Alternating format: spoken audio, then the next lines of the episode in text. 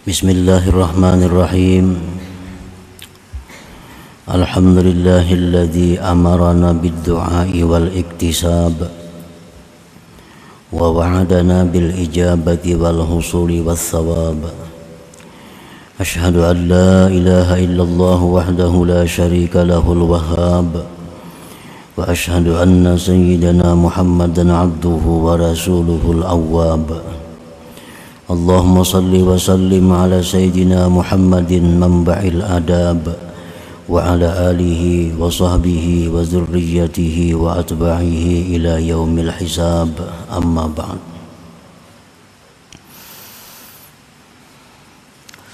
yang kita hormati dan kita cintai para habaib dan para alim ulama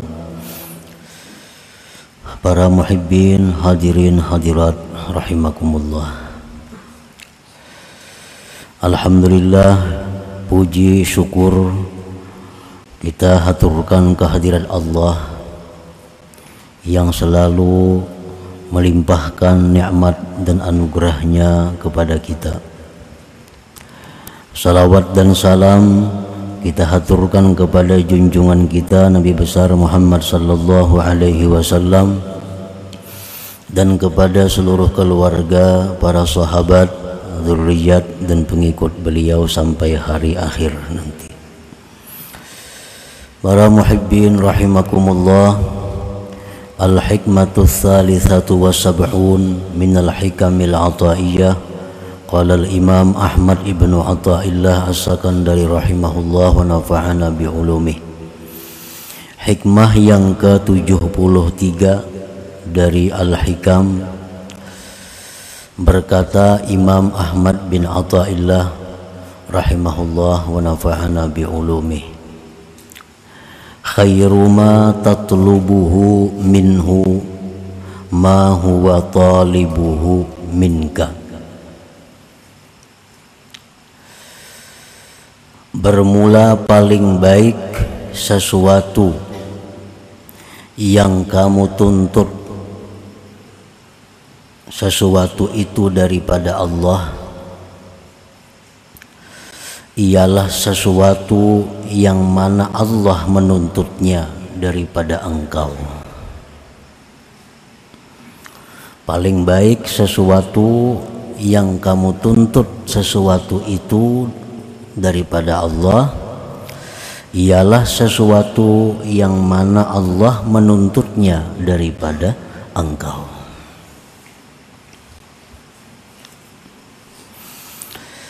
Maksudnya adalah khairu ma tas'aluhu minallahi ta'ala huwa ma amarakallah aw rasuluhu bisu'alih.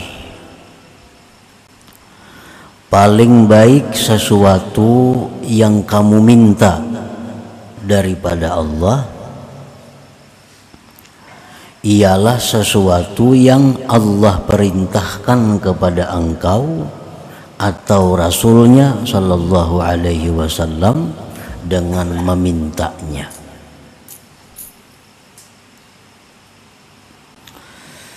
Sebagaimana kita mengetahui bahwa Allah Subhanahu wa taala memerintahkan kepada kita untuk berdoa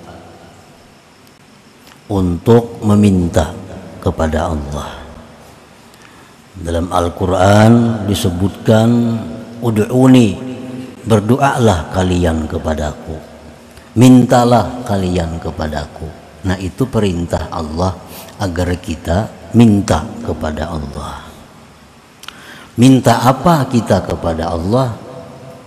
Minta sesuatu yang Allah perintahkan kita untuk memintanya. Minta kepada Allah akan sesuatu yang Allah perintahkan kita untuk memintanya itu. Nah, jadi dengan demikian dalam satu doa itu ada dua perintah yang kita laksanakan dalam satu permintaan kepada Allah ada dua perintah yang kita perbuat. Pertama yang kita laksanakan, yang kita perbuat adalah doa. Itu perintah Allah. dan isi doa itu pun perintah Allah. Jadi terlepas daripada doa kita itu uh, dikabulkan oleh Allah apa yang kita minta, yang penting kita sudah dapat dua pahala. Satu pahala doa, dua pahala isi doa itu. Khairu ma tas'aluhu minallahi ta'ala huwa ma amaraka Allah aw rasuluhu bi su'ali khairu du'a ad-du'a alladhi 'allamaka Allah aw rasuluh paling baik doa ialah doa yang diajarkan Allah dalam Al-Qur'an dan doa yang diajarkan Rasulullah sallallahu alaihi wasallam di dalam hadisnya atau sunnahnya.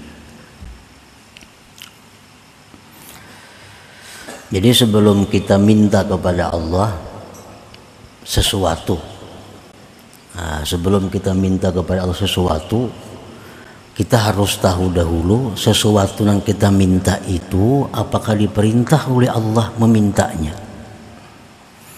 Nah, apabila sesuatu itu memang diperintah Allah untuk memintanya, maka itulah paling baik permintaan kita kepada Allah.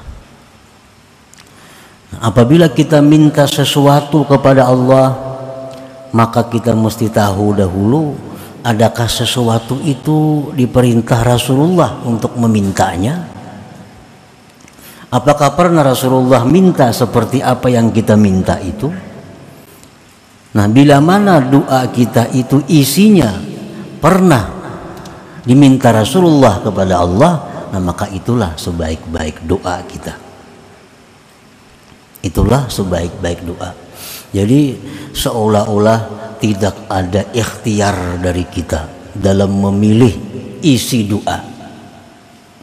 Tidak ada kehendak dari kita isi doa itu.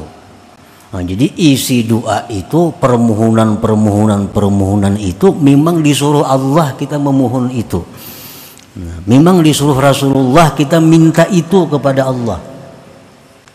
Nah itulah sebaik-baik doa. Sebaik-baik permintaan kepada Allah subhanahu wa ta'ala. Fa'alam ayyuhal murid Anna minad du'a ma huwa kufrun.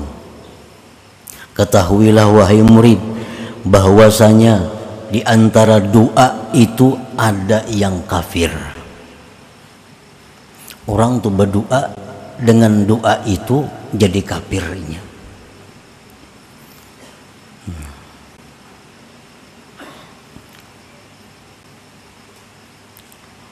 Kadu'ai bil maghfirati war rahmati liman mata kafira.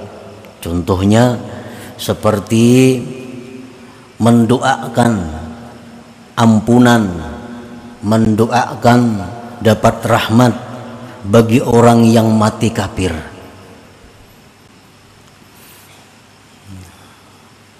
Orang tuh mati kafir. Didoakan mudahan ini dapat rahmat. Nah, mudahan ini diampuni Tuhan. Itu kita jadi kafir jadinya. Nah. Ada orang yang kada Islam mati. Nah, dipadahkan almarhum. Nah, itu kan Almarhum itu apa? Artinya orang yang dirahmati Allah. Berarti kita setuju dengan kekafiran itu. Setuju dengan kekafiran itu. Ar-ridha bil kufri kufrun. Ridha dengan kekafiran itu kafir. Jadi orang-orang yang kita yakini mereka itu sudah nyata-nyata bukan Islam matinya Jangan sekali-kali kita mengucapkan almarhum. Jangan sekali-kali kita mengucapkan semoga dia dirahmati Allah. Jangan.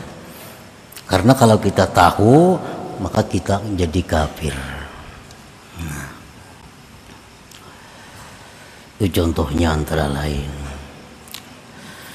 Wa minhu ma huwa haram dan perlu diketahui pula bahwa di antara doa itu ada yang haram doa.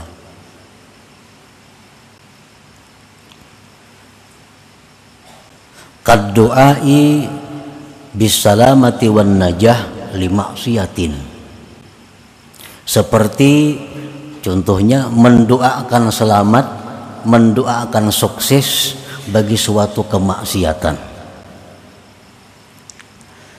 Nah ini doa kita itu bukan menjadi pahala tapi justru sebaliknya haram.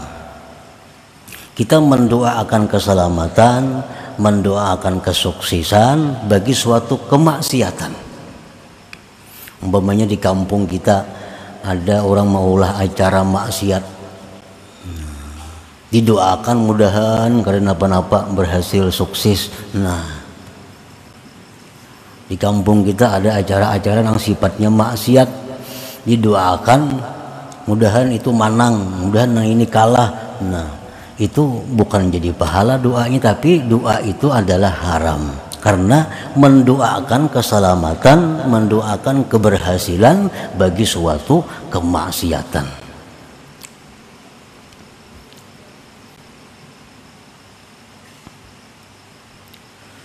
Autulil umur li fasikin atau mendoakan panjang umur bagi orang fasik. Haram juga. Orang pasik berulang tahun. Semoga panjang umur. Jangan doakan kan kayak itu. Hmm. apalagi orang kafir makinnya ini orang pasik aja didoakan mudahannya panjang umur. Berarti dia menghendaki agar Allah Ta'ala itu makin lama dimaksiati. Nah, makin lama ditentang nah, jadi jak ada boleh juga itu haram juga Wa minhuma huwa makruh di antara doa itu ada yang makruh. Kaqaulil a'rabi seperti perkataan a'rabi Allahumma arhamni wa Muhammadan wa la tarham ma'ana ahada. Seorang a'rabi, orang dusun berdoa. Nabi kita mendengar ini tuh berdoa. Isi doanya, ya Allah, sayangilah aku dan Nabi Muhammad. Jangan disayangi yang lainnya. Nah. membatasi rahmat Allah. Nah. ya Allah sayangi aku dan Nabi Muhammad dan jangan yang lainnya. Nah itu makruh doa seperti itu wa kayyas Allah ma la ya'lam khairahu wa syarrahu fil akibah dan seperti dia berdoa kepada Allah meminta kepada Allah sesuatu yang dia tidak tahu baik dan jahatnya di kemudian hari. Nah ini yang banyak kita melanggar. Mudahan kena jadi orang sugih. Nah, itu makruh. Kenapa? Karena kita kada tahu apakah kasugihan itu membawa kebaikan lawaninya atau membawa kejahatan kepadanya. Kita kada tahu itu. Nah, mendoakan itu mudah-mudahan yang beruntung nah itu bagus saja kada apa-apa mudahan yang jadi pejabat anu umpamanya nah, maka kada tahu jadi pejabat itu kayaknya ujungnya apakah baik atau kada kita kada tahu mudahan ini panjang umur umpamanya. Jangan juga karena panjang umur belum tentu baik atau kada baik. Nah jadi minta kepada Allah sesuatu nang kita kada tahu akibatnya baik atau kada itu jangan. Itu makruh.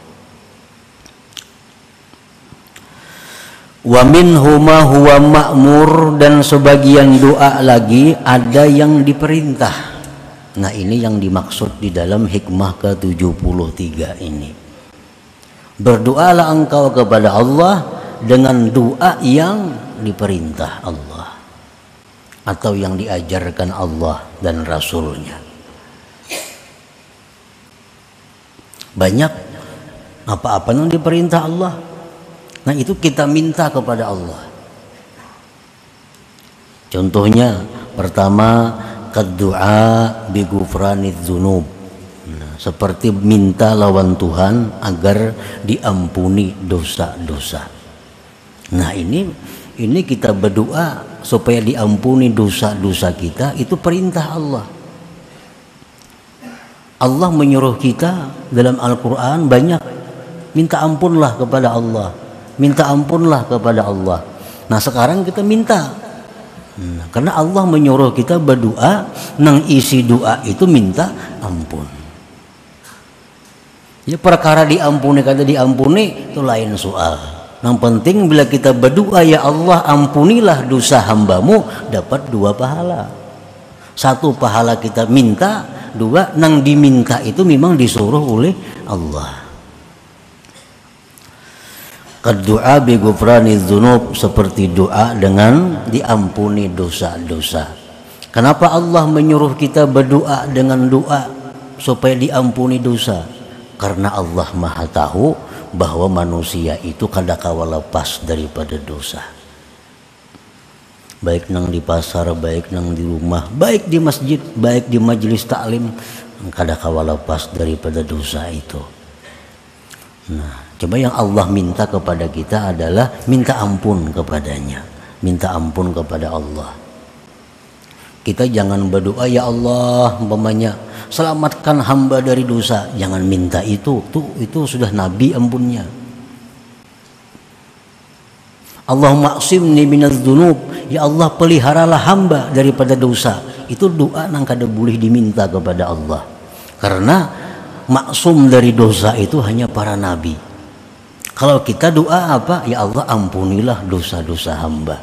Karena kita kada bisa lepas daripada dosa. Lain Nabi. Dalam Al-Quran banyak ayat Rabbana ufir lana Ya Allah ya Tuhan kami ampunilah kami Wa qur rabbi gfir Katakan wahai Rasul Rabbi gfir Ya Allah ya Tuhan ampuni Nah jadi kalau kita berdoa dengan doa supaya diampuni itu doa yang paling tepat karena kita memang disuruh Allah untuk minta itu. Yang kedua contohnya wa ilmin nafi' minta ilmu kepada Allah. Minta ilmu kepada Allah. Itu Allah menyuruh kita. Nah, karena ilmu itu sangat luas ilmu itu kada terkira luas hanya Allah yang meliputinya. Dan setiap saat kita disuruh minta ilmu, minta ilmu, minta ilmu walaupun sudah kita bergelar umpamanya apa profesor kah tetap disuruh Allah minta ilmu. Allah berfirman dalam Al-Quran wa rabbi zidni ilma. Katakanlah Rabbi zidni ilma ya Allah tambahkan kepadaku ilmu. Tentu ilmu yang bermanfaat. Ilmu yang membawa kita selamat dunia dan akhirat. Itu yang kita minta.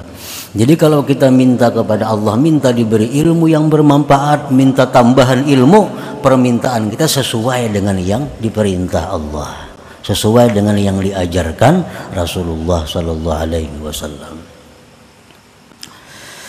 yang ketiga contohnya yang mana kita disuruh berdoa itu wa amalin makbul.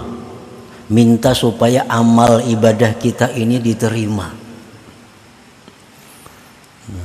Karena kada sedikit hamba-hamba Allah yang mana ditolak amalnya.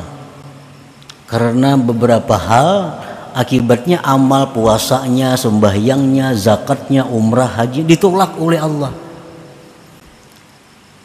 Nah, Allah menyuruh kita kalau kita beramal, kalau kita beribadah, ya Tuhan minta minta supaya ibadah itu diterima Allah. Karena banyak orang yang ibadahnya kada diterima. Wa kam min. Berapa banyak orang yang puasa hanya mendapatkan haus lapar. Wakam min musallin berapa banyak orang yang sembahyang hanya susah payah didapatnya. Nah, lalu Allah menyuruh kita minta supaya amal ibadah itu diterima. Jadi kalau kita berdoa ya Allah terimalah amal ibadah hamba. Nah maka itu permintaan kita sesuai dengan yang diperintah Allah dan Rasulnya.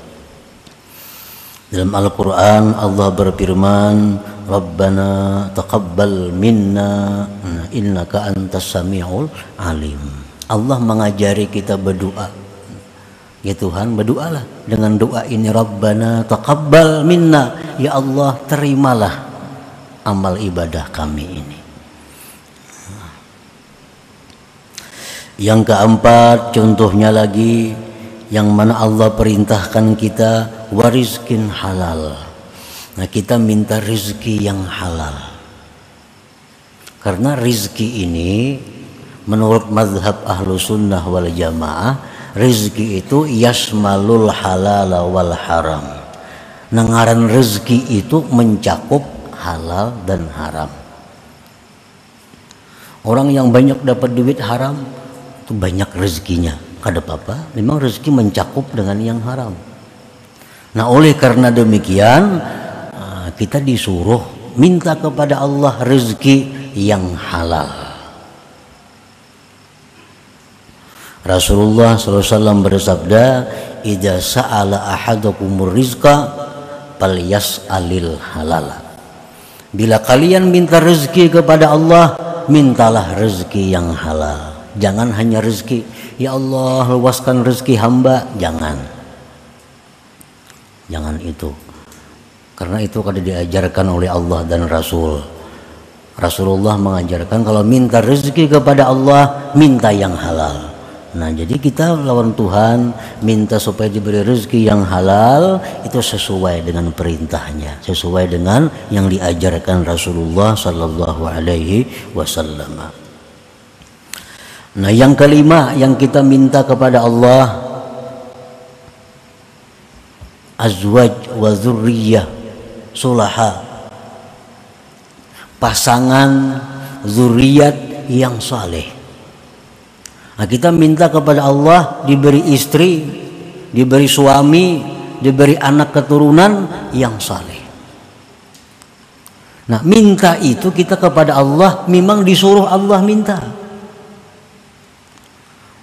Allah mengajarkan dalam Al-Quran Rabbana hablana min azwajina wa zurriyatina kurrata a'yun. Nah, Ya Allah berikanlah bagi kami pasangan-pasangan kami zuriat-zuriat kami kurrata a'yun penyenang hati. Penyenang hati Nah, penyenang hati itu akan didapat bagi seorang suami kalau istrinya itu salihah. Seorang perempuan akan dapat pasangan yang menyenangkan hati kalau suaminya saleh. Suami istri akan dapat penyenang hati kalau punya zuriat keturunan yang saleh. Nah, coba orang misi anak datang mabuk ke rumah Nah, kayak apa haji sugihnya, kayak apa haji nyamannya, kayak apa haji tinggi bangkat kedudukannya. Datang kena anak ke rumah ditandu orang nah, mabuk gitu tadi di bawah jembatan. Nah, adalah penyenang hati. Nah, jadi maka itu Allah meminta kepada hamba-hambanya ini supaya minta lawan Allah pasangan dan zuriat yang saleh itu. Yang keenam, yang mana contohnya an-nasru 'ala zalimin. Minta pertolongan kepada orang zalim. Minta pertolongan kepada Allah menghadapi orang-orang zalim ini. Nah siapa orang-orang zalim yang dimaksud itu? Pertama adalah iblis wa junuduh iblis dan pasukannya. Ini orang-orang yang sangat zalim. Kezaliman mereka itu adalah ingin mencelakakan kita kepada kecelakaan yang tidak ada akhirnya. Nah, itu orang-orang yang sangat zalim. Iblis dan pasukannya, syaitan-syaitan. Nah, kita minta tolong kepada Allah menghadapi mereka itu supaya bisa menang. Supaya bisa menang. Siapa lagi orang-orang yang zalim, orang-orang kafir yang mereka itu berusaha menghancurkan umat Islam. Nah, kita minta kepada Allah agar ditolong menghadapi mereka itu. Orang-orang kafir yang mana mereka itu secara zahir berdamai kepada kita, tetapi secara tersembunyi mereka itu menghancurkan umat Islam orang-orang kafir yang membuat yang membuat sabu-sabu, orang-orang kafir yang membuat heroin, itu orang-orang kafir yang berusaha menghancurkan moral umat Islam. Nah, kita minta tolong kepada Allah menghadapi mereka itu. Memang Allah menyuruh kita supaya kita minta kepada Allah untuk diberi kemampuan menghadapi orang-orang yang berbuat kerusakan seperti tadi. Allah berfirman dalam Al-Quran mengajarkan sebuah doa kepada kita. Rabbin surni alal qawmil mufsidin. Ya Allah, ya Tuhanku tolonglah hamba menghadapi kaum-kaum yang berbuat kerusakan itu. Yang ketujuh Contohnya lagi kita minta diselamatkan daripada bala minta diselamatkan daripada bala. Hakikat bala itu adalah sesuatu yang membawa kita ke neraka itu bala. Itu hakikat daripada bala. Sesuatu apa pun yang membawa kita kepada dosa itu bala. Nah, kalau sesuatu yang membawa kita kepada pahala, sesuatu yang membawa kita kepada surga, itu bukan bala, tapi nikmat dari Allah. Jangan diartikan bala itu sakit. Jangan diartikan bala itu kesusahan. Karena kadang mungkin dalam dunia ini kita terhindar daripada sakit tuh ada mungkin. Mula orang sihat berumuran, suah sakit napa-napa kada mau. Pasti ada apakah nang sakit apakah. Jadi kita minta diselamatkan daripada bala itu minta sesuatu kepada Allah agar diselamatkan kita daripada hal-hal yang membawa kepada dosa. Kita dapat penyakit. Timbul kita kada sabar. Nah itu bala. Kita dapat musibah lalu kita sabar ridha bukan bala itu nikmat dari Allah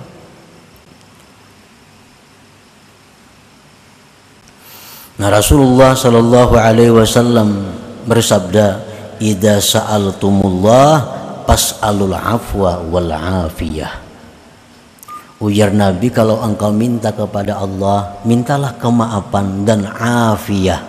Nah, afiyah itu sesuatu yang yang sihat rohani dan jasmani. Sesuatu yang selamat rohani dan jasmani. Jadi afiat itu lebih daripada sihat. Kalau sihat itu hanya jasmani. Tapi kalau afiah sihat rohani dan jasmani. Itu yang kita minta kepada Allah. Yang kedelapan contohnya kita minta kepada Allah tulul umur wa husnul amal Nah kita minta kepada Allah dipanjangkan umur, dibaguskan perbuatan. Supaya banyak pahala. Rasulullah SAW bersabda khairun nas man tala umuruhu wa hasuna amaluhu. Ujar Nabi paling baik manusia itu yang panjang umur, baik amal perbuatannya. Nah, jadi kita minta kepada Allah panjang umur, sihat afiat untuk ibadah. Nah, permintaan kita kepada Allah seperti itu adalah sesuai dengan yang diberi petunjuk oleh Allah, sesuai dengan ajaran Rasulullah agar itu kita minta. Nah, angka sembilan contohnya yang diperintahkan kita minta kepada Allah apa? Husnul khatimah. Nah, kita minta kepada Allah husnul khatimah. Artinya apa? Mati dalam keadaan membawa iman, Islam, mati dalam keadaan mengucap la ilaha illallah, itu husnul khatimah. Nah, ini mesti diminta kepada Allah dan Allah pun menyuruh kita minta itu. Karena banyak umat, banyak hamba yang matinya suul khatimah, buruk di akhir. Bukan hanya zaman sekarang, zaman Nabi pun banyak ada beberapa sahabat yang yang buruk akhir. Ada sahabat Nabi yang begitu hebat berperang. Tapi Nabi kita mengatakan huwa finnar. Itu masuk neraka aja Nabi kita tuh. sahabat ini bingung wah makanya berperang umpat pisabilillah begitu banyak membunuh orang kafir tapi Nabi mengatakan huwa finnar dia mati masuk neraka Lalu sahabat ini meneliti, mengintai gerak-gerik gerak-gerik laki-laki tadi. Nah, begitu dia berperang orang kafir, membunuh orang kafir, lalu dilukai oleh orang kafir. Si laki-laki tadi dilukai oleh orang kafir. Rubuh. Rubuh. Nah, kada tahannya menyandang sakitnya itu karena pedang orang kafir. Diambilnya pedangnya seorang, dicukakannya ke parutnya. Nah, mati. Mati dalam bunuh diri jadinya. Oh dia sahabat bujur Nabi memadahkan huwa binar dia mati masuk neraka. Nah ini su'ul khatimah. Su'ul khatimah. Padahal sahabat Nabi padahal berperang lawan Nabi. Nah begitu riskannya ini masalah khatimah ini Allah menyuruh kita minta husnul khatimah itu dalam Al-Quran watawaffana muslimin watawaffana muslimin. Ya Allah matikan kami dalam keadaan Islam. Matikan kami dalam keadaan Islam. Nah yang ke sepuluh yang kita minta kepada Allah adalah duhulul jannah bigairi hisab. Masuk surga itu kada bahisab masuk surga itu kada singgah ke neraka nah, karena orang yang mati husnul khatimah itu bisa aja ke neraka dulu karena direndam di neraka hanya dibangkit ke surga. Jadi jangan hanya minta husnul khatimah. Nah, husnul khatimah itu bukan jaminan langsung ke surga ada. Husnul khatimah artinya sekada-kadanya dia mati dalam Islam. Nah kalau mati dalam Islam bagaimanapun dosa banyaknya satu saat akan dipindah ke surga. Tapi ke neraka dahulu. Nah oleh karena itu kita tutup permintaan kepada Allah dengan mati masuk surga tanpa melalui neraka. Ini ada yang 500 tahun dulu di neraka. Kayaknya hanya diangkat. Himba diangkat, ini latat nih, hirang. Ngarannya jahannamiyun, orang mantan jahannam. Lalu di, di neraka diangkat, masuk surga kada boleh orang awak hirang kayak ini. Orang surga bunga bungas jadi dimasukkan dulu karena harul hayat. Nah, dinyelamakan dulu situ. Nah, dinyelamakan oleh malaikat diangkat. Nah, hanya putih bercahaya kayak umur 33 tahun. Walaupun mati umur 70 orangnya nah, masuk akan ke sumur hayat tadi diangkat nah, jadi umur 33 bercahaya sudah nah hanya boleh masuk ke dalam surga Islam dia matinya cuma di neraka ratusan tahun. Nah kita minta kepada Allah jangan kayak itu. Jangan singgah di neraka itu. Nah minta masuk surga kepada Allah tanpa dihisap, tanpa ada persulitan, kesulitan macam-macam. Nah itu pun Allah mengajari kita minta seperti itu dengan doa yang hari-hari kita baca. Rabbana atina fid dunya hasanah wa fil akhirati hasanah dan pada akhirat itu kebaikan. Kebaikan akhirat apa? Pada singgah di neraka. Wakina azab benar peliharalah kami daripada azab api neraka nah jadi kalau kita minta kepada Allah sesuatu sesuatu yang memang itu disuruh oleh Allah minta umpamanya kada kabul dapat dua pahala. Amunnya kabul itu bujur-bujur rahmat Allah. Tapi kalau kita doa kepada Allah dengan doa yang makruh apalagi doa yang haram lalu kabul itu istidraj ngarannya lanjuran. Ya Allah jadikanlah hamba orang yang sugih ya Allah umpamanya. Padahal makruh berdoa seperti itu. Kabul. Jadi orang sugih itu lanjuran Allah. Setiap pelanjuran itu pasti akan berakibat susah. Pasti akan berakhir penderitaan. Itu ngarannya istidraj lanjuran.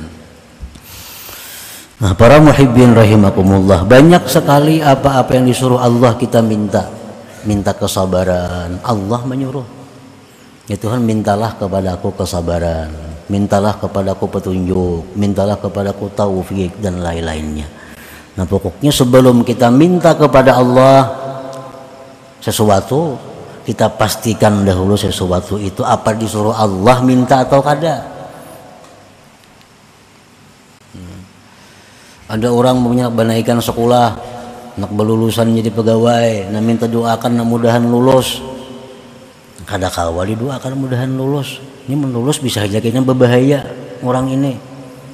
Nah, jadi kalau hendak juga minta nang macam itu kepada Allah, ya Allah, nah pulan bin pulan lulusakan nanya sakulah kalau itu baik baginya. Nah, tambahi itu. Pengumuman kada lulus berarti baik kada lulus ini artinya. Nah, itu. Baik kada lulus. Jadi tambahi dengan ta'likul khair, dengan ta'lik kebaikan. Ya Allah, jadikanlah hamba orang yang sugih. Kalau itu baik buat hamba. Ya Allah sihatkanlah jasmani hamba. Sihatkanlah, sembuhkanlah penyakit hamba. Jika itu membawa kebaikan lawan hamba. Karena ada sedikit manusia yang begitu garing baik. Nah, Garing, tasbih jadi tangan Sudah sigar, kada ingat lagi di tasbih. Baik garing berarti nih. Nah jadi lo minta kepada Allah kesehatan Jika itu kebaikan untuk hamba. Jadi kalau kita kada tahu nang kita minta nih akibatnya baik atau kada, nah tambahi doa itu. Ya Allah, nah ini hamba ada urusan urusan ini, maka biriskanlah urusan ini jika itu membawa kebaikan kepada hamba. Nah, dengan demikian kada termasuk yang makruh kita minta kepada Allah Subhanahu wa taala. Nah, selanjutnya yang ke-6 ke-70 ke-74. إلى حضرة النبي صلى الله عليه وسلم الفاتحة الرحمن الرحيم مالك يوم الدين إياك نعبد وإياك نستعين يا